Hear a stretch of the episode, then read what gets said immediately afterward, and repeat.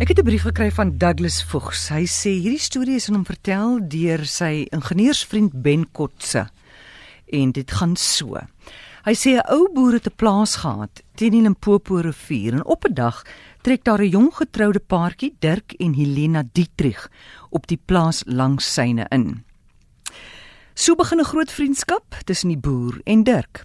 Hulle help mekaar met beeste dip en spuit, sorg vir mekaar as dit by veiligheid en sekuriteit kom en help mekaar met plaasbedrywighede.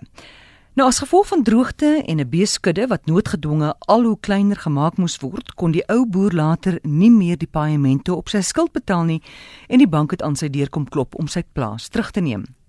Die boer wou eers nie sy toedrag van sake met Dirk deel nie.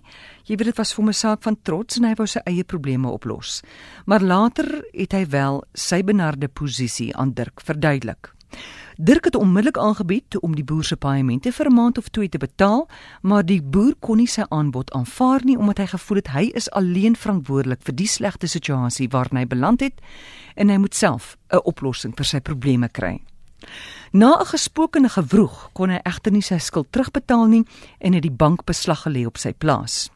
Met dit dat dinge so sleg gegaan het, het die boer en sy vrou vir 'n laaste keer by Dirk en Helena gaan kuier om vir hulle te gaan groet.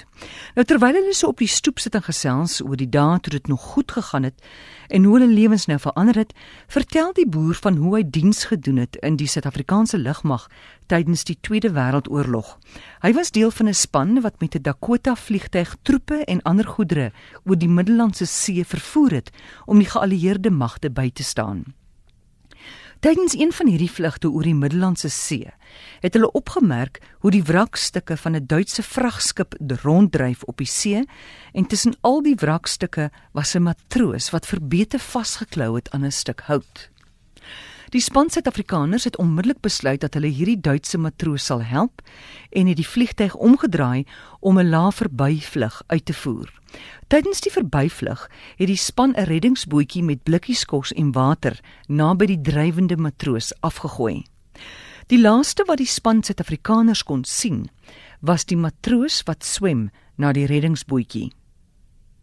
Met die aanhoor van hierdie storie het Dirk verbaas opgespring en opgewonde vertel dat die persoon vir wie die ou boer daai dag gered het, niemand anders as sy pa Herman Dietrich is nie.